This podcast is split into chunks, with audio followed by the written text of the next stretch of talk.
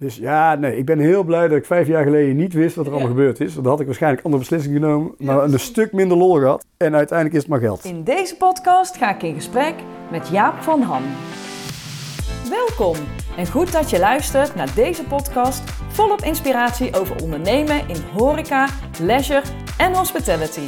Mijn naam is Miriam Ermes. Ik ga in gesprek met ondernemers en managers uit de allerleukste branche over blunders en succesgeheimen. Met waardevolle praktische tips hoe jij de verwachtingen van jouw gasten kunt overtreffen. Dit is jouw inspiratiepodcast. Dit is van blunders tot succesgeheimen. Ja, welkom. Superleuk dat je te gast wil zijn in mijn podcast van blunders tot succesgeheimen. En wij zitten eigenlijk een beetje in het hart van jouw zaken volgens mij. In de Korte Heuvel, denk ik dat het is. Epicentrum van de Korte Heuvel in Tilburg, ja. Precies. Boven Café Bakker met uitzicht op Polymagoo, daar waar het allemaal begon. Klinkt allemaal wat... Uh, maar dat klopt. Ja, fijne plek. Leuk. Eindelijk na 15 jaar mijn eigen kantoor. Nou, superleuk. Ik, uh, voordat we echt van start gaan, zou jij je allereerst even kort kunnen introduceren. Dus wie ben je en wat doe je? Jaap van Am, 46 jaar, vader van drie zonen, dat is de prioriteit. Dus daar begin ik altijd mee. Uh, Stan, Jens en Max met KS. Uh, getrouwd met Mariska en uh, horecaondernemer Max met KS? Max met KS. Mooi. Ja, leuk hè? Ja. Uh, moest met vier letters. Iets wat mijn vrouw belangrijk vond. En ik vind het ook wel tof. Uh, horecaondernemer sinds 2008 met Polymagoo. daar kwam in 2015 Café Bakker bij. Nederlands Biercafé, best een grote tent. Toen kwam er in 2018 het Ketelhuis bij. Een uh, lunchzaak en pannenkoekrestaurant. 2019 Dolores, Rooftopbar en Metamees. Kom allemaal een keer ervaren. En toen kwam COVID. Uh, dus stonden we even pauze. En toen kwam in 2022 Sportsbar Papa Jim. Uh, Mondieu in Breda. En begin 2023 hebben wij met 40 gasten Café de Snor in Tilburg geopend. Nou, in een notendop. Maar voor die tijd ben jij volgens mij in Breda gaan studeren. Ja. De BUAS. Toen nog de NRTV. Toen nog de NRTV. En toen heette het nog vrije tijdskunde. Dat vond ik wel een interessante benaming voor een uh, opleiding. Ja, dus, oh, daarom was het ook? ja, dat was echt wel een toffe periode. In Tilburg blijven wonen, want ik werkte toen al bij Polly Magoo achter de bar. En, oh, oké. Okay. Jij werkte in Polly. Ja. ja. ja. en ik heb uiteindelijk stage gelopen bij uh, AB InBev. Mm -hmm. In de tijd uh, dat, uh, dat zij nog op de oude brouwerij zaten. En ook op de afdeling waar alles gebeurde. Dus ik zat op de horeca marketingafdeling. Maar ik was met name met evenementen op pad. Um, ik liep stage van mei tot september. Ik weet niet eens meer waarom.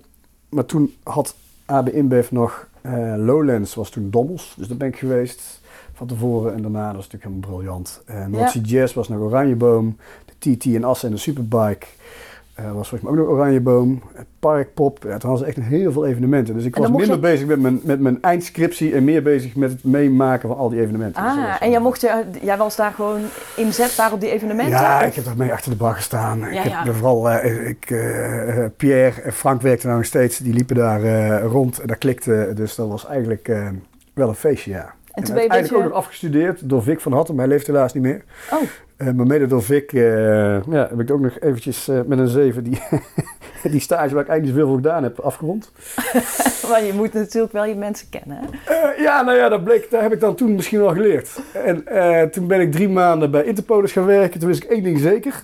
Dan niet. Geen kantoorfunctie voor Jaap. Nee. En toen ben ik gaan solliciteren op merken die ik heel vet vond. En niet zozeer Oh. op functies.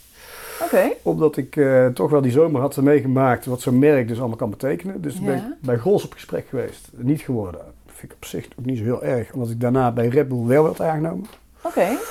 En toen eh, ben ik de sales ingegaan. En wat waren voor jou merken dan die jij eh, interessant vond? Ja, toen kwam ik wel redelijk in de, in de, in de, in de biermerken. Dat is natuurlijk alweer 20 jaar geleden. Eh, biermerken, maar ook Red Bull, eh, Bacardi, een beetje die hoek. Ja, ja. En toen had je ook nog wel de sigarettenmerk. Ik heb overigens zelf nooit gerookt. Maar toen had je Marlboro en Lucky Strike waren ook nog wel spelers in de markt die volle bak eh, eh, aan, aan marketing en sales uitgaven. Ja, En precies. heel veel met evenementen deden, dus dat vond ik ook nog wel interessant. Ja, want volgens mij is het dan de match van merk waar je bij wilde horen en ook richting evenementen. Ja, ook die- wel hoe ze zich positioneerden in de markt. Ja. Dat vond ik eigenlijk altijd wel erg interessant. En met name op evenementen, omdat je daar... Nou ja, goed, ik heb later van een, eh, een eh, sales manager bij eh Red Bull geleerd, Mark Klep. Een meisje versier je in de horeca en niet in de winkel. en dat is ook wel hoe het werkt met een merk. Dus daar was ik natuurlijk roerend mee eens. En dan misschien helemaal op een evenement. Eh, en die merken die hadden dat toen de tijd al wel heel goed door. Dus dat, dat was erg gaaf om te zien. Ja. En eh, ik was ook wel, eh, nou ja, ik vond dat gewoon vet. Dus eh, nou ja, uiteindelijk bij Red Bull aangenomen. Daar heb ik achteraf maar drie jaar ge- gewerkt. Maar wel drie hele, hele toffe jaren. En een netwerk aan overgehouden waar je u tegen zegt. Ja, en wat heb je gedaan daar? Sales. Oké. Eh, eerst hotels, scholen, nieuw business heette dat geloof ik. Hotels, scholen en, eh, en ziekenhuizen. Nou, dat is nog nooit van Red Bull gehoord. Dus dat was best wel eh, heftig om daar naar binnen te komen. Dat ze dachten, oh wacht eens even. Suikerdrankje, wat moet je hier? Ja, Ehm, maar er was dan meer, ging het over de functie van het product. Dus bijvoorbeeld in hotels, bij meetings. Eh, je had koffie om 11 uur en dan om, eh, om 4 uur. eh, oh zo. Niet de kuppensoep, energy- maar had je energy een energy. break. Ja, ja, ja, precies. Dat ik dan. Eh, en de in de, eh, nou ja, in die koelkastjes op die kamers. En, nou, wel veel van geleerd. En na een jaar gelukkig gewoon de horeca in waar ik eigenlijk wel wilde zijn. En toen kreeg ik Tilburg, Breda en Den Bosch als gebied. Gebied, ja, Ja. ja. En ondertussen was het ook nog wel een hele hechte club. Wij zaten toen in de beeld op het hoofdkantoor. En je ging ook heel vaak naar eh, evenementen van collega's. Dus ik ben zo'n beetje heel het land toen ook weer doorgegaan. Oh, dus je hebt wel veel aardig wat gezien dan. Ja, heel gaaf. Ja. En ook heel veel horeca eh, gezien. Dus ook heel veel collega's en heel veel eh, dingen gezien hoe het wel moest en ook hoe het beter kon. Ik wou zeggen hoe het wel moest en ook hoe het niet moest. Beter kon klinkt dan beter. ja, precies. Dat zeg je Dus heel mooi. ja, dat klopt. En, maar jij zegt van, jij was al, altijd al hulpkracht bij Polly. Ja. En na Red Bull, of was dat tijdens je Red Bull periode, toen zag jij een kans om Polly te kopen? Nee, ik werd gebeld door Stef Hoes, de oude eigenaar die Polly in 1980 begonnen is. eh, of ik bedrijfsleider wilde worden. Oké. En hij zocht een manager. En zei ik, nee Stef, ik werk bij, ehm, ik werk bij Red Bull, dat is eigenlijk veel te gaaf. Of, riep ik toen een beetje stoer, ik moet de tent over kunnen nemen. En Stef was toen denk ik eh, ergens in begin 60. En die zei, nou, daar wil ik wel met je over praten. Hoe oud is jij toen? Eh 28. Oké. Dus eh, daar hebben we over gepraat. Daar hebben we afspraken over gemaakt. En toen ben ik drie jaar bedrijfsleider geworden. Aan de ene kant heel heftig, aan de andere kant misschien wel de drie eh, eh, eh, nou ja, beste jaren eh, om gewoon te leren wat is horeca nou helemaal. Toen ben ik vijf jaar gaan pachten en toen heb ik hem over kunnen nemen. Dus eh Oh, het was eigenlijk wel een goede deal. ja. En jij wist al voordat je bedrijfsleider werd van nou... eh, Dat was allemaal uitgeschreven, was allemaal afgesproken. Oké, en daar hoefde je geen targets voor te halen. Dat was gewoon uitgesproken. Ja, die periode. om, om en nabij. Ja, ja. Ehm, Hm. Ja, op basis van die cijfers toen. Nou ja, goed, en uiteindelijk eh 1 januari 2018, toen was ik 30, ben ik gestart. En eh, toen liep het eigenlijk meteen eh, als een tierenlier. Wauw. En liep het al goed van tevoren? Of heb jij het heeft altijd in- wel goed gelopen. Ik denk iedereen die ooit in Tilburg gestudeerd heeft, is er sowieso geweest. Ja, En heel veel mensen die ooit gestapt hebben in Tilburg zijn er ook geweest. Omdat Ja. het gewoon al sinds 1980 een stapzaak is. ja, voor mij is het enige wat ik ken in Tilburg Kijk. eigenlijk. nou ja, daar, is, daar, daar heb je Wat vaak natuurlijk heel vaak een, begin, een, een leuk begin van een gesprek met mensen die, eh, die Ja. hier gestudeerd hebben. Ja, die, zijn, die hebben altijd wel een eh, toffe ervaring eh, gehad. Ja. En waar het, toen ik erin kwam, echt een, eh, een eetcafé. Het was eh, een dagzaak en borrel en, eh, en stappen is nu alleen nog een stapzaak. Oké, dus geen broodjes meer, niks. Nee, nee, we hebben wel een terras voor de deur. Alleen aankomende week is het hier roodburn. Dan is het te druk met eh 3000 zwartjassen, noem ik het altijd. die op de hardrock muziek van 013 afkomen. Oh, Dan is het fantastisch in deze straat. Maar dan pakt Café Bakker het terras van Polly. oké. Want die hebben wel een keuken. Die hebben wel een keuken. Ja, Ja. precies. En, eh, maar goed, toen had jij Polly. En eh, dat ging goed. Of ehm, ja, Polly, Ja. dat- nee, dat ging goed. En toen dacht jij van, nou, dat smaakt naar meer. Of hoe ging dat dan? Ja, dat, heeft, dat is eigenlijk best, heeft best nog wel eventjes geduurd. Ehm, en ik denk dat dat op zich ook wel goed voor mij persoonlijk geweest is. Omdat je dan veel meer weet wat je wil en wat je kan. En ehm, Eh, toen kwam de overkant te koop. Er zat een Iers pub. Mhm. Een vrij grote zaak. Met een wat morsige eigenaar. Maar ja, die zat denk ik al 15 jaar een beetje zichzelf in de weg. Eh, Die kwam te koop. En dat vond ik wel interessant. Polly heb ik overgenomen en, en ik denk wel verbeterd. Eh, maar echt een eigen tent bedenken met een doelgroep en assortiment. Zo had ik nog niet gedaan. En eh, die kans kwam hier. Ah, dus je moest echt even opnieuw doen. En toen zijn wij dus Café Bakker begonnen. En de Mhm. bank wilde niet helpen, dus ik heb daar drie compagnons bij gevonden. Oké. Eh, heel blij mee. En eh, die hadden wel vertrouwen. En eh, hebben afspraken gemaakt. En zodoende op 4 april 2015 eh Café Bakker open gegaan. En heb jij nog steeds diezelfde compagnons? Eentje is helaas overleden, Oh, toevallig vorig jaar. Die andere twee wel. En in de tussentijd, maar dan gaan we meteen een beetje op de zaken vooruit, heb ik een, een andere compagnon, de oude manager van Dolores, met eh, ondernemersaspiraties. ah, Die heeft aandelen gekregen, dus die is nou mede-eigenaar. Eh, en die draait de tent, eh, nou ja, fantastisch. fijn. Ja. Fijn. Ja. En eh, wat vond jij dan, want eh, waarom de keuze eigenlijk om een locatie recht tegenover je andere zaak te doen? Dat was denk ik, had denk ik meer te maken met. ehm, ja, een beetje. Het leek me ook gewoon wel verstandig om het in de gaten te kunnen houden en om het allemaal niet meteen te veel te verspreiden. Mhm. En het was ook wel meer een toevalstreffer. Ja, ja, want Maar- jij wilde sowieso meerdere zaken. Nee, maar nee, ik heb, nee ja, weet je, het is, het is bij mij. eh, ik, ik ben niet iemand die heel erg plant. En ik wilde ook niet per se heel veel, eh, heel veel zaken. Maar het, het loopt soms zoals het loopt. En deze Ja, ja. die kwam eh, toevallig te koop aan de overkant. Ik had er eigenlijk meteen al wel een idee bij. Dat is in de tijd geweest dat iedereen, iedere thuisbrouwer een eigen brouwerij begon. Dat in Nederland in die kraftbierindustrie enorm in opkomst was. Toen wisten we niet dat daar weer twee derde vanaf zou wapperen. En ik vond het wel heel leuk, we zitten hier natuurlijk vlak bij de Belgische grens, om dan eens een café te beginnen met alleen maar Nederlandse bieren en geen Belgische of, eh, of Engelse. Mhm. Ehm, een, een doelgroep die ik zelf miste, want ik was, werd ook net een jaartje ouder. Eigenlijk te oud voor Polly, voor de jeugd. Eh, en ik miste gewoon een kroeg waar ik zelf naartoe kon met mijn vrienden. Gewoon eh, kwalitatief, goede bieren, Ja. leuk personeel, ehm, leuk assortiment. Best een grote zaak, 250 vierkante meter met een grote binnentuin en een terras aan diezelfde korte heuvel. Ja. Bij 013 in de buurt. Dus ja, ik had er eigenlijk vrij snel wel bedacht. Ja. En het zat elkaar niet in de weg. Nee, totaal niet. Nee. Nee, nee, het voor op geen enkele manier. Sterker nog, daar had ik niet eens rekening mee gehouden. Die 25-plussers die hier aan de Nederlandse bier zaten, die hadden heel vaak om half één eh, nog wel dorst. Dan liepen ze Ging aan de overkant. overkant. Dus het Nou, was dat juist aanvulling. Ja, dat kwam eigenlijk hartstikke goed uit. Ja, klopt. En ehm, toen heb jij dus eh, voor het eerst dan, eh, want eerst had je zaak alleen, hè, eh, Polly, en toen de zaak met compagnons. Ja, wel de meerderheid. 55 procent. Ah, dus, oké. dat betekende dat ik niet zoveel hoefde te overleggen. Al was dat geen probleem. Eh, Ja, maar dat is toch anders dan, dan wanneer je precies evenveel hebt. eh, ja, En toen ging dat ook goed, denk ik, die bakker. Die liep eh, eigenlijk meteen als een tierenlier, ja. Ja, ik had toen Eve Baggermans, die ondertussen ook weer voor zichzelf aan het beginnen is. Dat die deed ook fantastisch. En wij, eh, eh, ja, het was wel een beetje een gat in de markt verhaal of zo. Dus eh, wij draaiden volgens mij het jaar, het jaar één of twee al zwarte cijfers. Zo. En eh, ja, dat was eigenlijk wel heel erg tof. En toen begon het zo eens een beetje te kriebelen. Dacht jij? Mijn vrouw werkt altijd al samen, wij werkten altijd al samen bij Polly. En eh, die eh, zei in de zomer van, moet even graven, ik denk 2017, dus alweer twee jaar later. Ja, ik weet niet, ik heb die kortheuvel wel een beetje gezien. Ik wil eigenlijk wel een uitdaging nodig. Ik zei, nou Mariska, dan eh, kijken we waar we tegenaan lopen. En nog geen maand later werd ik gebeld door Grols volgens mij, dat er een hele grote locatie op, de AB, eh, op het AB-terrein eh, leeg stond. Dat de ondernemer die daar eigenlijk in zou komen zijn keutel had ingetrokken. Oh, Eh, dat was een autohandelaar uit de buurt van Utrecht.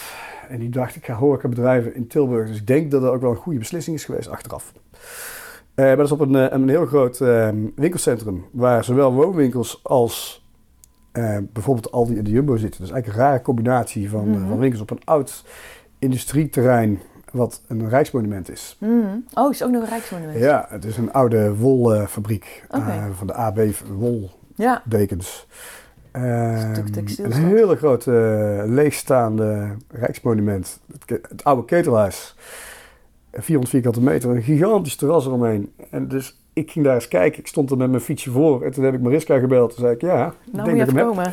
ik denk dat ik die uitdaging gevonden heb. Oh, En toen hadden we dat concept ook eigenlijk zo gevonden. En het was ook een beetje wel weer hetzelfde als, als hier. Ehm, ehm, bij Bakker miste ik dus een plek waar ik met mijn maten heen kon. Eventjes platgeslagen. Ja. En ik had ondertussen, we hadden ondertussen drie zoontjes gekregen. En wij gingen heel vaak naar Oostenrijk, naar de bossen, naar een speeltuin of ergens anders. Maar in Tilburg was er niet echt zo'n plek. Ah. Dus hebben we eigenlijk zo'n plek gecreëerd. Grote speeltuin ernaast, hek eromheen, een grote terras, pannenkoeken. Het is echt voor het gezin. Echt een gezinsrestaurant. En hoe Eh, heet dat? Is dat Het heet Het Ketelhuis, ja. Het ketelhuis. Het is gewoon, dus de functie van de, de, oude, de, de, de oude locatie is inderdaad ook gewoon de naam geworden. Pannenkoekfabriek met een Q, dat vond ik hartstikke Oh leuk. joh, leuk. Het Ja. Ketelhuis. En ehm, ook die liep eigenlijk van meet af aan als een tierenlier, maar met name ook heel veel wat oudere mensen die daar eh, veelvuldig kwamen. En waren dan misschien ook de opa's en de oma's met de ja, kinderen? maar ook gewoon mensen uit de buurt. Eh, we hebben daar gasten die bijna elke dag koffie komen drinken. Fijn. En, en eh, daar was Mariska dan de bedrijfsleider? Of hoe moet ik dat Eigenaar, hè? We, bedoelen, we doen alles samen, dus mede-eigenaar, maar ook wel gewoon degene die het managede. Ja, Ja, dus... ehm, ja bedoeld als haar eh, project. Ja. Ja. ja. Nee, ja, zo krijgt heel vaak de opmerking, je bent de vrouw van. Of eh, Nee, mag, jij, jullie- mag jij hier bedrijfsleider zijn? bedoelde ik het eigenlijk Nee, niet. nee, nee, maar daar is, nee, ik, ik, ik, ik wil goed je even, dat ik benoemen, want Ja. er is gewoon natuurlijk niemand. Is. Nee, ja, de Nee. eigenaar, het was, het, het was echt wel meteen het, heftig, omdat er gewoon binnen 180, nou ja, 160 mensen kunnen zitten en buiten eh, toen al 150. En ondertussen hebben we dat uitgebreid naar bijna 300. Zo. En staat Dus- ze nog steeds zelf in? Of, Eh, eh? op de drukke dagen sowieso. Ja, ja. en dan gaat ze voorop in de strijd. Dan zijn er maar weinig die erbij kunnen houden. Dus dat blijft ook gaaf om te zien. Maar dat, is denk ook, mooi. dat is denk ik ook wat het beste werkt. Want als Ja. jij toch je collega leidinggevende ziet die, eh, die als hardste loopt met de grootste dienbladen, ja, dan, je dan ben je ook? een hele knappe als je niet meegaat. Ja, dus dat werkt gewoon fantastisch. ja. En die plek is gaaf. Dus jullie hebben eigenlijk allebei gewoon echt een horecahart. Ja. Ja, 100%. Waarbij, ik, waarbij kinderen? Mariska echt gewoon heel Ja. goed uitvoerend is en ik wat minder. Oh zo, je Kinderen, het. eh, en- nou ja, die, die, die prioriteit die is er eigenlijk altijd wel geweest. En wij wisselen elkaar af. We hebben bijvoorbeeld Koningsdag volgende week. Is het heel simpel. Overdag ben- heb ik de jongens. Ja, want hoe oud zijn ze? Dus ze zijn nou 8, 10 en 12. dus ah, nog nog te jong om te werken. Ja, Ja, ja. te jong om te werken. ja, dat komt wel. Dat wil ze volgens mij ook wel. Dan zien we wel weer TZT. Ja, precies. Nee, maar overdag heb ik die jongens. Geen enkel probleem. En dan s'avonds, uh, als het hier op de Kortheuvel weer druk wordt en bij Dolores op het dak weer druk wordt, dan, uh, dan wisselen we. Uh, maar op zich hoe heb ik ook geen uitvoerende rol. En zij wel. Ja. Dus die, dat is heel duidelijk. Daar heeft zij, uh, dat is zij degene die uh, aan de gang gaat. Ja, precies. Ja. En uh, dat gaat ook al jaren zo op zaterdag. Dan uh, werkt zij alle zaterdagen. En dan zat ik met die jongens lekker naar de markt in Tilburg. Helemaal onze eigen... Lekker. Ja. Even bij mama kijken. Dus ja, die zijn ook nooit eens tekort komen. Ik kook eigenlijk elke avond thuis. Oh, ook fijn. Ja. En toen had je ketelhuis. En toen uh, was het nog steeds voor corona, denk ik. Voordat Dolores kwam, hè? Ver voor corona, maar we waren op een gegeven moment... Uh,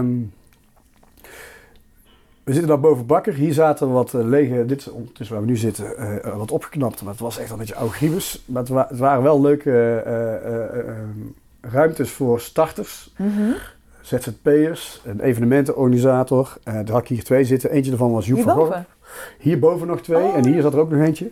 Okay. En uh, die konden voor 50 euro per maand mochten die daar gaan zitten. Dat vond ik wel tof om ze te helpen. Op voorwaarde dat op vrijdagmiddag hier ook een beetje mee die vrijmibo aan uh, zwengelde. Dan kreeg je best een hele leuke clubgasten, ook deze kant op. En ze kregen ja. korting en zo. Dus onder andere Joep van Gorp zat hier, evenementenorganisator. Uh, en die zei, ik ben in, in uh, Berlijn in een, in een kunstproject geweest. Ja. Um, dan ben ik zoveel onder de indruk. Ik ga eens kijken of ik dat naar Nederland kan halen. En als ik dat doe, want daar zit ook een soort kantine bij, wil jij daar dan helpen met die horeca? Ik zei, ja, natuurlijk Joep. Ik dacht, er komt niet zoveel van terecht. Even in de, even in de notendop, in de notendop wat het, wat het kunstding dan was. Het een kunstenaar uit Berlijn, die heet Tim Hendrik Snijder. Ja. En die maakt absurdistische schilderijen. Mm -hmm. Echt, nou ja, en dat een vriend ook tegen hem zei, ja, dat is echt bizar wat jij maakt. Mm -hmm. uh, wat gebeurt er in jouw hoofd? En toen dacht die Tim, die dacht, hé, hey, dat is een interessant uh, concept. Dus die is een installatie gemaakt waar je doorheen kon lopen. En een beetje kon um, nou ja, inzien wat hij dan, uh, wat er in zijn hoofd omging. Dus een soort van wandeling door zijn hersens. Heel eventjes platgeslagen. En ik denk dat Joep het niet mee is als ik zo zeg, maar zo was die eerste. Um, uh, die zat in de kraakpand, die moest weg. Toen heeft hij een, een, een grotere installatie gemaakt met wat meer kamers en wat meer uh, beleving. Daar is Joep toen in geweest. Okay. Joep kwam terug naar Tilburg, is een plan gaan schrijven, is uh, gaan lobbyen heel erg. Um, en uiteindelijk heeft hij echt een heel groot bedrag aan subsidie los weten te trekken bij allerlei instanties. Okay. En toen kon hij hem ook daadwerkelijk gaan maken. Toen is hij op zoek gegaan naar pand. En hij vond midden in Tilburg een oud postkantoor. eh, helemaal met spiegels. Waarvan eigenlijk heel Tilburg dacht: wat is dat voor een ongelooflijk lelijke puist. Hoe komen we er ooit vanaf? Ehm, maar, eerlijk is braaf, het lag wel perfect gelegen. Naast het spoor, vlakbij het station. Aan de ene kant de spoorzone, die is enorm aan het uitbreiden nog steeds. Er gaat nog heel veel gebeuren. Aan de andere kant de binnenstad van Tilburg gebeurt ook nog steeds heel erg veel. Dus het was eigenlijk qua locatie perfect. Hij wilde de één naar bovenste verdieping. Ik ben wezen kijken. Gijs van der Velde, onze derde compagnon, die Cookaholics eh, heeft. Dat is een, eh, Mhm. eh, een zeg het eens? Ja. cateringbedrijf. Ja. En wij gingen naar boven kijken en op het dak zei hij, moest komen. Er zat een hele glazen grote ruimte met een heel groot plat dak. Hij zei, rooftopbar? Toen dachten wij, ja, Ja, waarom idee. niet? Die hebben we nog niet. In Tilburg, Ja. duizend vierkante meter op een dak. En daar zijn we eigenlijk heel naïef eh, ingedoken met z'n allen. En het liep eigenlijk een beetje tegelijkertijd toen het ketelhuis, de bouw van het ketelhuis en de Loris. Dus dat was achteraf ook best wel heftig, zonder dat je daar dan heel hard over nadenkt. Eh, maar ook wel vet, dus ik ging van de ene bouwoverleg naar het andere. Ehm, ja, we zijn daar gewoon gestart. Heftige tijd. Het gaat ook over blunders, toch? Ja. Maar dan Nou, we zijn er dus... op. Mag, ik- ja, maar ik- mag je het zeggen ik hoor? begin er zelf wel over. Eh, nou ja, de, les die wij daar geleerd hebben is dat, dat voorbereiding eh, toch wel key is. En dat, zegt, dat is natuurlijk een hele logische. Alleen wij hebben daar gewoon een paar afspraken niet goed gemaakt. Hebben we ook vooral zelf niet goed gedaan. Eh, de andere partij ook. Maar de, de- de- achteraf weet je dan echt wel dat je je hand in eigen boezem moet steken. Dus dat is uiteindelijk best wel nagelopen met rechtszaken en zo. En die hebben we verloren. En we waren er allemaal heel erg boos over. En, eh, Oh. maar uiteindelijk advies gevraagd aan ondernemers die het ook wel snappen. En eh, die zeiden, ja jongens, accepteren, volgende keer anders doen, afrekenen. Nou, dat hebben we gedaan. En doorgaan. En doorgaan. Alleen, er is dan meteen wel weer eventjes een paar flinke stappen in zijn achteruit. Mhm. Eh, Maar hij staat er wel. hij staat er. Ja. Ja, hij staat er. En hij is echt mega vet. Heel veel mensen zeiden toen de tijd ontilburgs. Mhm.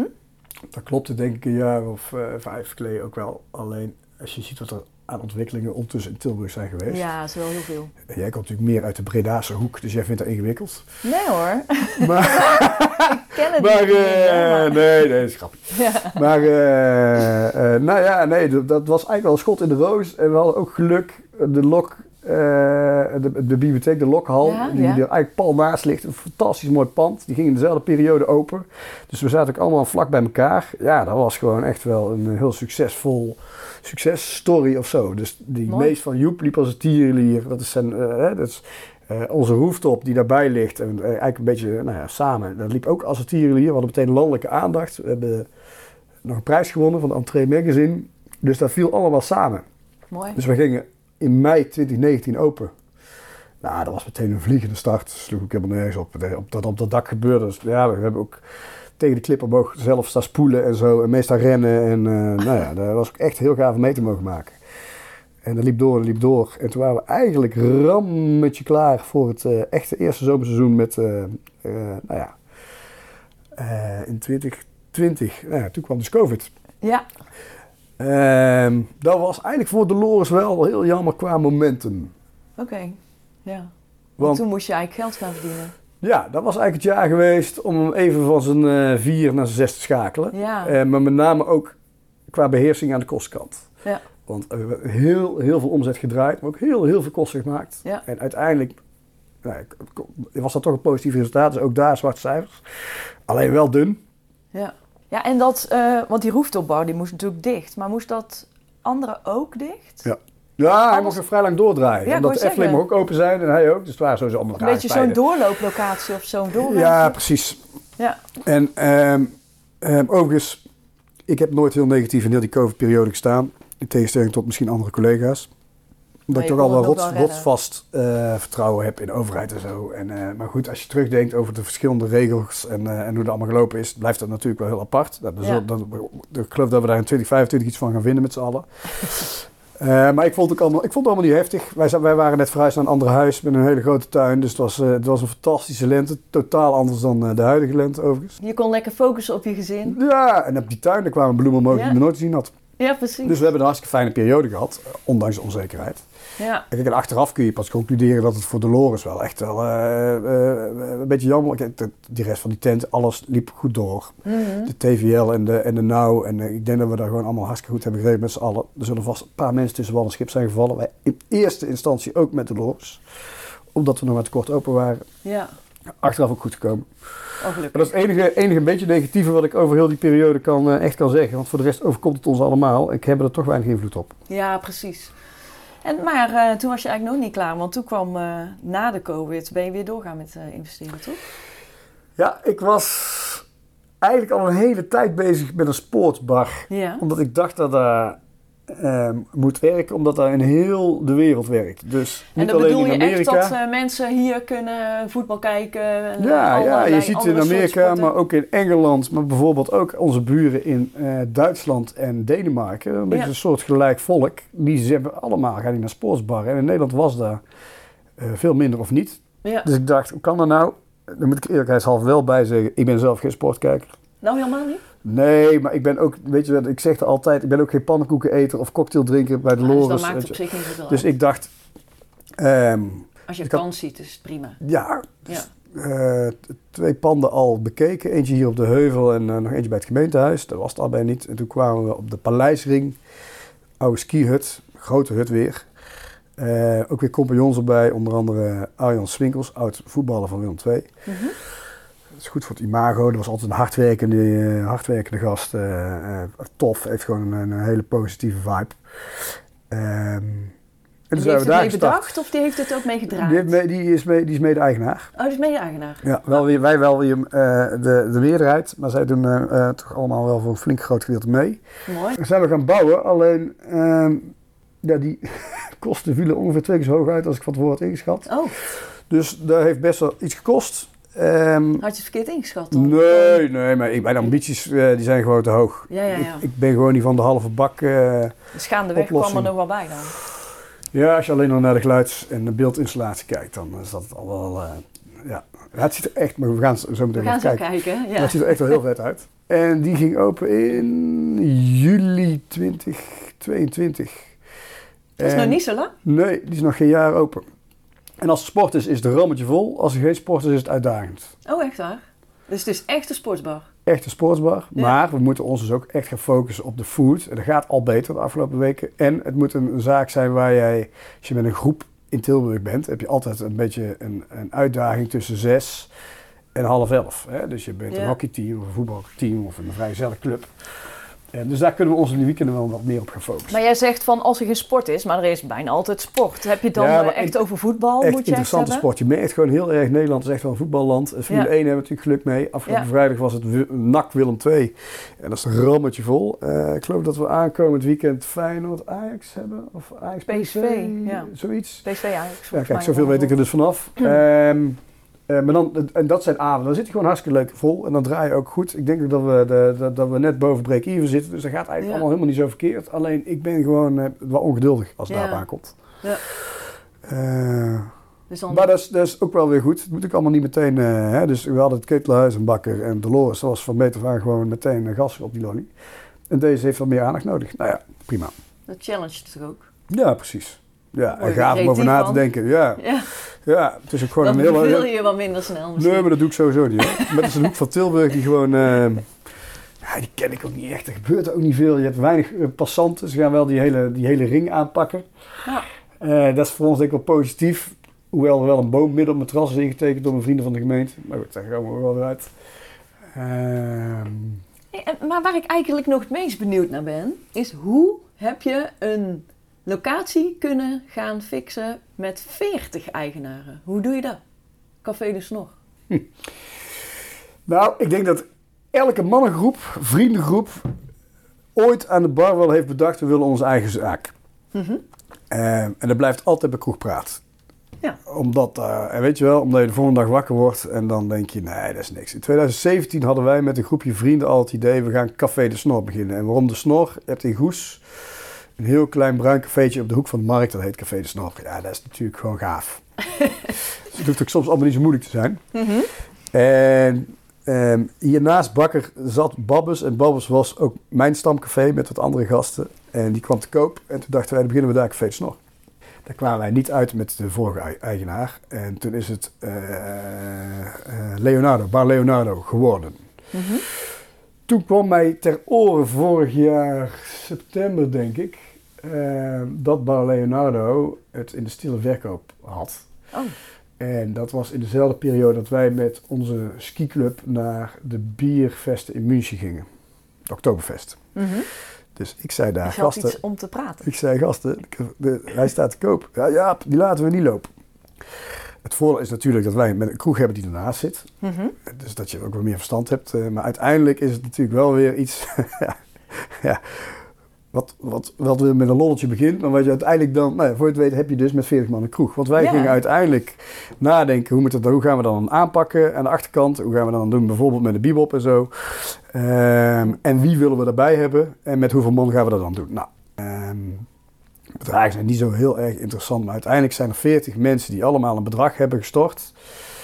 Eh, en die 40 mensen, dat zijn vrienden van ons. En ook wel een aantal mensen die niet per se heel dicht bij ons stonden, maar waarvan we wel weten, die hebben een heel groot eigen netwerk. Het is een hele leuke club gasten geworden uiteindelijk. We hebben toevallig vorige week de kwartaalmeeting gehad. Dus Maar jij bent dan niet allemaal hetzelfde deel eigenaar? Jawel, Allemaal hetzelfde deel? allemaal 41. Oh joh. Alleen ik heb veto, want het is, eh, zeggen. de vergunning staat eh, op mijn naam. Ehm, eh, mijn compagnon hier, Niek, die regelt het samen met eh, Roel. Dat is een goed vriendje van hem. Die werkt hier, die werkt nou daar. Eh, het, het is wel gewoon een bedrijf. Mm. Dus kwartaal 1 hebben we lekker nou ja, met z'n allen genoten. De eerste twee, drie weken dat we open waren, dat we, dat we de sleutel hadden, heeft iedereen meegeholpen met schilderen en schuren. En het gave is met 40 man, er zitten 40 mensen in met allemaal weer hun eigen bedrijf. Oh ja. En hun eigen kennis en kunde. Er zit een schoonmaakbedrijf bij, er zit een eh, timmerbedrijf bij. Weet je wel, dus uiteindelijk wordt er best wel veel geregeld. Ja. Ja, heel erg leuk. Ja. Echt heel erg leuk. ja, maar je hebt gewoon op een gegeven moment met 40 man iets leiden. Dat gaat niet. Nee, dat moet je niet willen. Ik wou zeggen, maar dan ben jij wel degene die... eh, Nou, uiteindelijk zijn we, hebben we een paar commissietjes waarmee we dat eh, dan doen. Oh ja. Ehm, de afspraak is ook dat niet iedereen op avonden, als ze een paar bakjes op hebben, er iets van gaat vinden. Dat was van tevoren, vond ik ook wel het spannendste. Oh ja. Een soort mensen die erbij zitten, daar wisten we van tevoren al, die zijn er al niet zo van. Nee, nee, nee. Dus je hebt wel een paar afspraken gemaakt om het goed te kunnen organiseren.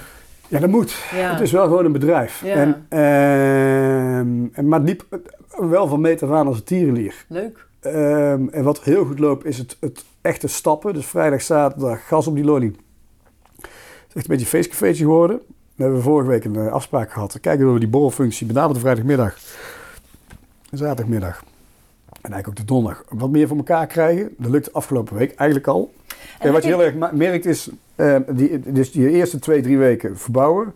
Dan vervolgens enorm veel betrokkenheid van al die gasten. Dus die wa- kwamen veel. Het was ook druk. En in Tilburg ging natuurlijk ook rond. Café de Snor. Ja. Dat is natuurlijk meteen lachen. Hadden een groen-oranje luifel. De carnavalskleuren van Tilburg. Oh, Nou, ook nog. richting carnaval liep het dus ook echt als een tierenlier. De carnaval eh, gedraaid. Nou, dat was ook bizar. Ehm, en dan kwam, toen kwam er een, een zeer logische dip. Want al die gasten die dachten, ik moest thuis ook al.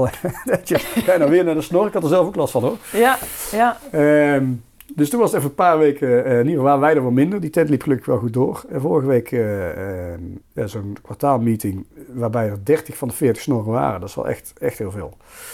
En dat was echt een hartstikke goede avond, waarbij wij gewoon eh, de cijfers hebben besproken, de, de, wat er in de markt op- gebeurt. En vervolgens een rondje hebben gemaakt, afspraken gemaakt en eh, we gaan door. Leuk. Eh, en in Q2 wordt het gewoon wat professioneler. Die afspraken die zijn voor iedereen kraakhelder. Mooi. En, eh, en iedereen, ja, je merkt afgelopen week al meteen weer meer betrokkenheid. Die gasten waren er weer wat vaker. En ze hoeven er niet, echt niet altijd te zijn. En er zijn ook van die 40 zijn er een aantal die bijna nooit er zijn. Ook allemaal geen probleem. Er zijn ook geen scheve ogen. Dus het is wat dat gaat hartstikke leuk. Ja. En als het echt de verkeerde kant op zou gaan, nou dan verkopen we de hut, verdelen we de poen. Dat was een leuk avontuur. Precies. En iedereen weet op voorhand, wat ik erin steek, dat ben ik kwijt. Oké, dat weten ze. Ja, want als je dit als investering eh, zou doen, dan eh, ja, dat heeft geen zin. Nee. Want dan krijg je ook echt andere discussies. Hm. Dus op het moment dat je weet, even we steken er de X in, en dat mag je trouwens wel weten, dat is 5000 euro per persoon. Eh, dus het moeten ook wel mensen zijn die dat kunnen missen. Ja.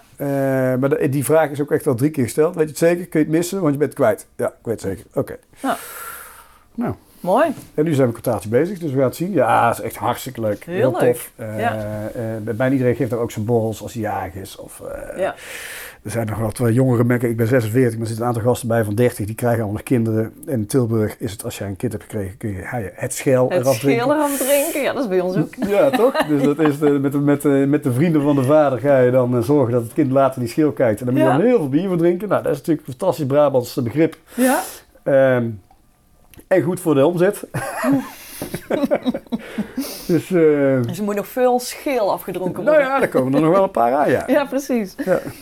Hey, en eh, ja, als je je verplaatst in 2027, gaan we even een sprongetje maken. Hoe kijk jij dan terug op de afgelopen vijf jaar? Nou, goede vraag. Eh, in het voorgesprek zei ik al dat ik niet zo heel erg van plannen ben. En ik heb ook eigenlijk nooit echt de ambitie gehad om heel veel horecazaken te hebben. Want ik, eh, de, ja, dat is leuk. De, de overkomt je. Zonder dat... dan- Maar de, ja, is, weet ik niet. Ik, eh, we gaan naar Utrecht met eh, Dolores. Dat is wel een interessante. De, ook overigens wel met de bagage die we natuurlijk bij Dolores 1, om even zo te duiden, hebben geleerd. Dus ze gaan staan op een hele andere manier in. Mhm. Dat scheelt denk ik al heel erg veel. Eh, maar dat is wel echt buitenland. En eh zegt deze Brabander. Zeker buitenland, ja, ja. Eh, maar wel op een gave locatie, gave plek. Waar is het in Utrecht? Wisselspoor. Dat is een, beetje de spoorzone van Utrecht. Ligt, eh, waar nou de pingpongclub ligt. Ik ben heel benieuwd hoe, of dat we dat voor elkaar krijgen. Wanneer Echt ga je open daar? andere stad, Q1 24. Ja, nog. En God mag weten wat er nog op mijn pad komt. Ja, dus bij jou ligt alles open. Ja, ja, en ik vind het wel belangrijk dat alles wat er is, dat dat blijft lopen. Ehm, en dat zijn altijd weer uitdagingen. Want je- ik merk bijvoorbeeld dat het stappen... en We hebben altijd al wel last gehad van festivals. Maar het lijkt wel alsof mensen minder op stap gaan. Dus Ja, dat het de- wordt de- anders. ja, dus dat de groep stappers per stad, Ja. per saldo kleiner wordt. Ja. Dus waar er vroeger 5000 waren op een zaterdagavond, zijn het er nu maar 3000, ik noem maar iets. Ja, precies. Kijk, en 5000, daar kun jij eh, tien hele grote zaken mee vullen. Ja. Ehm daar is Polly gelukkig nog steeds zit wel in de top 3 in Tilburg en eh, met een aantal meer. Ehm, alleen je merkt wel dat er links en rechts een paar afvallen. Ja. ja, je moet ook in de gaten houden of het goed blijft gaan. Nou ja, ik ben heel blij dat ik op de Korte Heuvel zit. Ja. Eh, waar eh, mijn collega's van de studio, de live, uh, Clochard en er komt een nieuwe in Café Philip, een, een hele grote horecazaak. Ik ben blij dat die allemaal op de Korte Heuvel zitten, dat dat, dat de populaire zaken zijn. Ja. Want dat betekent dat je gewoon interessant blijft voor groepen om op stap te gaan. ja, precies. En voor de rest is het eh, scherp blijven en, eh, en blijven investeren. Dus, En, eh, en zie jij eventueel nog, stel voor Utrecht gaat goed om Dolores verder uit te rollen? Of heb je zoiets van, nou, ik vind dit wel oké. Bij Dolores is Joep overduidelijk in de lead, omdat de Mees is zijn project. Ehm ambi- ambitieuze gast, een stuk jonger dan ik. Dus ik leer er ook weer heel veel van hoe die het allemaal aanpakt. Kijk, als hij zegt we gaan naar Amsterdam met Dolores, dan gaat hij naar Amsterdam. Ja. En als hij mij dan daarbij wil hebben, en ik vind het zelf ook interessant, dan ga ik graag Ga mee. mee. Ja. Eh, maar dat vind ik eigenlijk ook wel een prettige manier van het bekijken. Hij was heel ambitieus. Hij wilde al naar, eh, en ik, daar dat vind ik ook zo gaaf om te zien, naar Kopenhagen en Berlijn en Londen. Maar toen hebben de Nederlandse investeersteam gezegd, bewijs nou eens dat je, in, dat je het in Nederland ook kan. Ja. Ik denk dat hem dat lukt. Want het is gewoon gaaf om te zien hoe dat dit weer aangevlogen wordt. Mooi. Ehm, ja, en dan vind ik dat natuurlijk wel heel gaaf als we het in Utrecht ook een beetje tof voor elkaar krijgen. Ja. Ik zou niet als horecaondernemer uit Tilburg eh, de arrogantie hebben nu om in Utrecht gewoon een horecazaak te beginnen zonder dat daar dat kunstproject bij zit. Nee, precies. En die ambitie anders? heb ik ook niet. Nee, Nee. want dan, dan Ja. moet je... Kijk, uiteindelijk ehm, is in Tilburg alles op het fietsje ook wel lekker. Ja. Ja, en dat kneuterige, dat vind ik ook allemaal geen Ja. ramp. Ik, heb ook niet, ik wil ook niet enorm de eh, hele grote jongen uithangen. Dat vind ik Nee. ook niet spannend. Nee. Ik heb liever dan alles hier een beetje in de buurt. Dat ik een rondje maak op zaterdagavond op mijn fietsje. ja, En dat ik overal blij word als ik binnenkom dat ze het allemaal voor elkaar hebben. Daar ben ik hartstikke trots op. En dat je Marissa eh, en de kinderen ook nog een keer ziet. Nou, maar die zie ik hartstikke veel. Ja. Ehm, Nee, maar ik bedoel, als je echt ver gaat uitvliegen, dan ja, wordt dat nee, natuurlijk er zijn anders. heel veel horecacollega's, ik vind het heel gaaf om te zien hoor, die echt gas geven en uitbreiden en een, heel, en een ketens opzetten. Dat moeten ze vooral doen. En ik denk dat het ook heel lucratief is. En dat is ook wel echt durf investeren. Ehm, en ik heb, ik heb, Papa Jim zou best uitrolbaar zijn en eh, zo'n pannenkoekfabriek ook wel. Alleen niet zomaar, weet je wel. Ik, eh, Nee. Hey, en waar ben je het meest trots op? Ja, dat is een goeie. Eh, Denk je daar überhaupt wel eens over na? Nee. Ja, nou ja, ik zeg, die, vraag wordt je vaak gesteld. En dan zeg ik eigenlijk altijd Polly, omdat Polly gewoon al uh, 15 jaar aan de top meedraait. En blijft draaien. En we weten allebei, denk ik, dat in Amsterdam een horeca-concept gemiddeld drie jaar meegaat. Ja. Al zijn daar natuurlijk de hoppers van deze wereld bestaan ook al 80 jaar. Dus dat is ook niet helemaal te vergelijken. Uh, nee, dat die combinatie eigenlijk wel lekker loopt. Als je, uh, als je al die zaken op zich bekijkt, en dat is natuurlijk ook een beetje uit mijn Red periode denk ik. Ik ben vrij conceptmatig ingesteld. Ja. Dus aan, aan, de, aan de voorkant van al die zaken is de doelgroep overduidelijk anders. Dus uh, in de notendop Polly is 19, 20, 21 beginnende stappers. Uh, hier heb, bij Bakker heb je de 25-plussers, 30-plussers die lekker uh, een biertje willen drinken en, uh, en bij willen kletsen. En daarna een klein dansje wagen, snor, 30-plus op stap. Kitluis, gezinnen en ouderen. hele drukke lunch, gewoon wel als 400 man op een zaterdag. En dan heb je Dolores waar een hele hip publiek komt. En dan de sportliefhebbers bij Papa Jim. Ja, dat zijn natuurlijk, Het bijt echt vertel niet, hè? zes, Ja. zeven verschillende doelgroepen. Ja. Maar aan de achterkant komen overal kratjes cola en liters bier binnen. Ja. Dus ehm, ja, dat blijft wel heel erg grappig. Dus het stapelen aan de achterkant, waardoor uiteindelijk je kortingen natuurlijk eh, eh, ook een stuk hoger zijn, Mm. maakt het dat je aan de voorkant wat toffer kunt doen. Ja, precies. Je kunt nu gewoon wat beter... eh, Ja, en uiteindelijk is Podium er het beste vanaf, want dat is een brouwerijpand. Dus die zit, nu, uit- die zit nu wel op een ander eh, kortingsniveau dan die had En gezeten je- zonder al zijn broertjes en zusjes. En heb je dan ook je, bijvoorbeeld, heb je ook een HR of heb je ook iets van een, een, een backorganisatie? Of, Ik heb, eh, er, ik heb ik zeker en die heet Lotte. Ja, precies. En die luistert dit nu en die denkt, oh jee, daar gaan we weer. Eh, ja, en maar het, het, het is, het, eh, dat komt omdat we eigenlijk overal op dezelfde manier werken. Ja. eh, met hetzelfde kassensysteem en hetzelfde boekhoudsysteem. alles ja, je hebt de achterkant wel gewoon goed georganiseerd. Ja, dus alles en, is aan elkaar gekoppeld. Dus als ik een medewerker heb van Dolores die een avondje meedraait bij de snor, die kan inloggen op, op zijn of haar code en die kan meedraaien. Ja. De kassas zijn overal op dezelfde manier ingericht. Overigens hebben we, het heeft het personeel ook overal een hele dikke korting. Dus bij Polly bijvoorbeeld al 15 jaar een euro voor een biertje. Dus als jij Zo. bij Dolores werkt, dan krijg jij bij Polly je biertje voor een euro. En Zo. daar kun je heel veel van vinden, maar dat betekent dat die mensen eigenlijk nergens anders op stap gaan. Nee, precies. Die heb jij goed... eh, Ja, maar ja, dat, ja, dus dat, eh, en dat, maar dat, eh, ja, Slim. inwisselbaar. Nou ja, dat, het werkt. ja, precies. En ehm, wat is dan jouw grootste succesgeheim? Heb ik succes? Is dat, dat, is, dat is een goede vraag, toch? Wat is voor jou succes? Nou, ik denk als je niet al te veel zorgen hebt, ehm, dat je redelijk succesvol bent. En als je een beetje, als je kunt doen ehm, wat je leuk vindt. Kijk, eh, ik heb dus inderdaad ooit drie maanden bij Interpolis eh, gezeten. Daar zaten mensen die werden heel blij van elke dag om acht uur starten en om vier uur weer naar buiten lopen. En ik denk dat die ook succes hebben. Ja, zeker. Ieder op zijn eigen Omdat ze het namelijk voor zichzelf goed geregeld hebben. Ja. En, ehm, ehm, Niet jouw kijk, de- nee, nee, ja, maar dat, is, dat vind ik dus juist het hele toffe. Het is gewoon heel persoonlijk. Kijk, ik ondernemer, daar hangt ook altijd weer zo'n hele, eh, nou ja, de ondernemers-eigenschap en zo. Eh, ik denk dat iedereen ondernemend is op zijn of haar eh, manier. Maar als je er dan geld voor krijgt, dan ben je ineens meer dan een ander. Ik heb daar nooit zo'n last van. Ik, ik vind het gewoon heel leuk wat ik aan het doen ben. Ik eh, deel mijn eigen dagen in. Ik ben heel vaak heel trots als ik ergens binnenkom en ze hebben het fantastisch voor elkaar. Ja. Er komt eigenlijk vrij weinig voor dat ik denk, hé jongens, het is niet goed. Waarbij ik dan overigens 15 jaar geleden op die avond zelf nog wel eens iets van vond. Ben ik daar heel snel mee opgehouden en komt dat de dag of die week daarna wel. Ehm, maar dat dat op heel veel plekken, dat je mensen ziet die met hart en ziel werken voor een horecazaak eh, eh, die niet van hun is. Ja, dat vind ik wel, dat vind Dat ik wel gaaf. Dat vind ik wel echt heel erg gaaf. Ja. Ja. Ja. Nou, ja, dat en je ziet ook gewoon de kansen en je hebt het lef om erin te gaan. En, Ja, of ben naïef en dom om het allemaal maar te doen. nou ja, je kunt het een naam geven, maar ik bedoel, je doet het dan Nou, het- je moet, en, en, en, eh, dus je ik probeer ook wel met beide benen op de grond te blijven Ja. staan. En, ehm, maar, nou ja, dat, op zich lukt me, dat denk ik ook wel. En anders heb ik gelukkig een paar goede vrienden om me heen. En een vrouw die we er dan wel eens eventjes eh ehm, knijpt en zegt... Oké, ja, even normaal doen. Gebeurt denk ik niet heel vaak.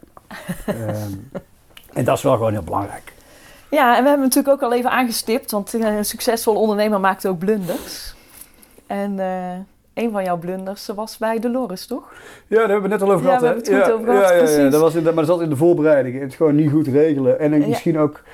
Kijk, uiteindelijk kun je ehm, denken dat je goede afspraken hebt gemaakt. En daar gaat het bij mij vaak mis, hoor. denkt, we maken goede afspraken. Eh, misschien dan toch te goed gelovig, maar je moet gewoon zorgen dat afspraken op papier staan papier, met een ja. handtekening eronder. Ja, ja. Ehm, en met name omdat je achteraf geen gezeik wil hebben. Ja, dus niet omdat je vooraf iemand niet vertrouwt of denkt het gaat hem niet worden, maar met name omdat je achteraf eh, eigenlijk dan gewoon eh, ook kunt zeggen: hé jongens, dit hebben we op deze manier afgesproken, laten we het dan ook even op die manier uitvoeren. Of Ja. zorgen dat we er nu op een juiste manier uitkomen. Ja, precies. Dus eigenlijk zeg je ook gewoon gaandeweg met wat je allemaal hebt gedaan en geleerd. Ehm, in het begin deed je misschien wat, wat eerder nog een mondelinge afspraak maken, maar dat gebeurt je niet Ja, meer. en nog steeds wel. Ik ben ook wel soms te ad hoc. Ja, ja. Eh, en ik investeer denk ik te makkelijk. Maar ik, ehm bij Polly is daar wel weer een aardig voorbeeld van. Eh, we hebben vorig jaar een krankzinnig jaar gedraaid. Echt een, echt, echt een bizar jaar. Dat gaan we nooit meer doen. Overduidelijk, de reden is overduidelijk. Onze doelgroep heeft twee jaar binnengezeten. ja, die moest er weer uit. En die moesten eruit. Ja, En eh, dat was een van de gaafste dingen die ik ooit gezien heb. Want die, die hormonen schoten alle kanten op. Stonden bij ons in, de, in die zaak, die eh, 19, 20 jaar. Ik heb van afstandje te kijken. Ja, die gingen helemaal compleet door de geluidsbarrière. Echt heel gaaf. Ik denk dat heel veel ouders hebben gezegd: hier heb je nog een paar honderd extra, maak ook maar op. Nou, dat hebben ze allemaal gedaan. Dat normaliseert nou allemaal weer. Is ook allemaal hartstikke logisch. En bij ons is er ook re- relatief weinig geweld geweest of, of, of eh, agressie. Ja, we hebben ze weer een beetje op moeten voeden. ja, ja. Ehm, we hadden altijd een rij voor de deur staan. Wij zijn echt heel streng als het gaat over leeftijd. Dus als je met een vals idee komt, dan wordt de politie gebeld. Dat lijkt overdreven, maar dat betekent dat mensen ja, het bij ons toch minder snel proberen. ja. Hebben de achterkant moet je een poort over. Dan moet je een plat dak opklimmen en dan kun je via een binnenplaatsje bij ons binnenkomen. Nou, dat gebeurde veelvuldig. Ik heb zelfs prikkeldraad moeten plaatsen. Echt waar? Ah, maar ik zie dat als een heel groot compliment. Ja, want ze willen allemaal hier naar binnen. Ja, toch? dus waar andere mensen eh, daar wat moeilijk over kunnen doen, vind ik. dat- Ja, ik denk ja, godverdikke, maar we zijn er ook allemaal 18 geweest. Ja. Dat is er gewoon... Want ze, moet, ze moeten 18 zijn. Ja, ja, ja. ja. Ja. Onder 18, eh, nee, dat gaat niet. Dus eh, Ik heb nog twee vragen. Ehm, wie is jouw grote voorbeeld? oh, Heb je überhaupt een voorbeeld? ja, weet ik niet. Of doe je gewoon echt lekker alles op gevoel? Nee, nou, eh, het heeft denk ik te maken met een, een echt een voorbeeld. Nee, ja. Heel veel mensen van wie ik heel veel geleerd heb. Op mijn rebelperiode en hoe mensen in het leven staan. En, eh, en ook op, op deze leeftijd heb ik echt absoluut de waarheid niet in pacht. En leer ik ook elke week nog bij. Niet echt iemand die daar bovenuit steekt. Kijk, uiteindelijk heeft het denk ik heel erg met instelling te maken. Hoe je in het leven staat. Waarom je bepaalde beslissingen maakt of neemt. Mhm. En bij mij is wel eh, levensveranderend geweest dat ik op mijn 17 ineens mijn vader verloor. Oh, hartaanval, dus ook helemaal geen symptomen. En dat, dat vormt je wel als jonge man, zeg maar. ja. Waarbij mijn broertje eh, en ik, eh, nou ja, eigenlijk allebei na een aantal jaren van verdriet en gedoe, want dat is natuurlijk wat er dan gebeurt, allebei anders in het leven staan. Waarbij Thijs, mijn broertje, in- nu in, al een jaar of zes, zeven in Granada woont Oh. omdat hij carrière minder interessant vindt en zich genoegen neemt met een bepaalde baan. En dacht, ja, als ik dan toch dit soort werk doe, dan ergens waar de zon schijnt. Lekker. Ja, Ja. nou, zo'n beslissing neemt niemand. Hij wel. Dat komt doordat hij, toen hij 15 was, zijn vader is verloren.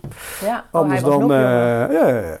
En bij mij heeft dat uiteindelijk erin geresulteerd dat ik eh, ja, wel veel meer gas geef dan misschien een leeftijdsgenoot zou doen. Omdat ik ook Ja. wel besef, hé, we trekken er nou uit wat erin zit. Ja, En dan probeer je niet te Ja. doen, probeer je ook echt over na te denken. Alleen ik denk bij bijna elke beslissing was het ergste wat er kan gebeuren. Ja, En daar valt het antwoord meestal wel mee. Behalve de echte dooddoeners. Iemand overlijden, bla bla. Ja, Eh, precies. En dat scheelt, dat scheelt heel veel. En was je Eh, vader ook een voorbeeld voor je? Of was het meer van, dit Ja, nou, maar die zat een beetje toen, eh, die was toen 46, dat is hoe oud ik nu ook ben, dat is ook wel licht ingewikkeld. Maar die, ehm, eh, die zat in de software helemaal aan het begin, eh, 1994 is hij overleden, toen was er nog geen internet, moet je je voorstellen. Ja, precies. Dus die was net een beetje voor zichzelf aan het beginnen en die zat bij een bedrijf een soort in een keurslijf. En volgens mij had hij er ook wel een beetje stress van, daar zal ook wel ergens meegewerkt hebben. Dus Mm. natuurlijk is een voorbeeld, want het is je vader. Ja, Dus ik hoop dat dat voor bij iedereen zo eh, geldt. En eh, ook voor mij. Ja. Ehm, alleen ik denk dat de jaren die, dat hij gas had kunnen geven voor hem lagen. ja. En dat heeft hij net gemist. Dat Ja. vind ik wel eens jammer. Ja. Blijf ik ook niet in hangen. Nee. Maar ehm dat had ik wel eens willen zien. Ja, precies. Ja, maar het is zeker een heel belangrijk eh, keer Nou ja, dat is overduidelijk gewoon, ja, ik bedoel, eh, gebeurtenis. Ja. Ja. Ja, en dan blijft het ook wel. hoor. ja, dat snap ik ook wel. Hey, en met wat je nu weet, wat zou je dan vijf jaar geleden als advies aan jezelf hebben gegeven? Ja. Kijk, als ik, wat, ik, wat je nu weet, als je dat van tevoren had geweten, was ik misschien niet eens aan eh Dolores begonnen. Dat is natuurlijk doodzonde geweest. Dus het is soms heel fijn dat je begot niet weet waar je terecht komt begint. of wat er, wat er op je afkomt. Ehm, dus ja, nee, ik ben heel blij dat ik vijf jaar geleden niet wist wat er allemaal gebeurd is. Dan had ik waarschijnlijk andere beslissingen genomen, maar een stuk minder lol gehad. Ja. En uiteindelijk is het maar geld. Ja, precies.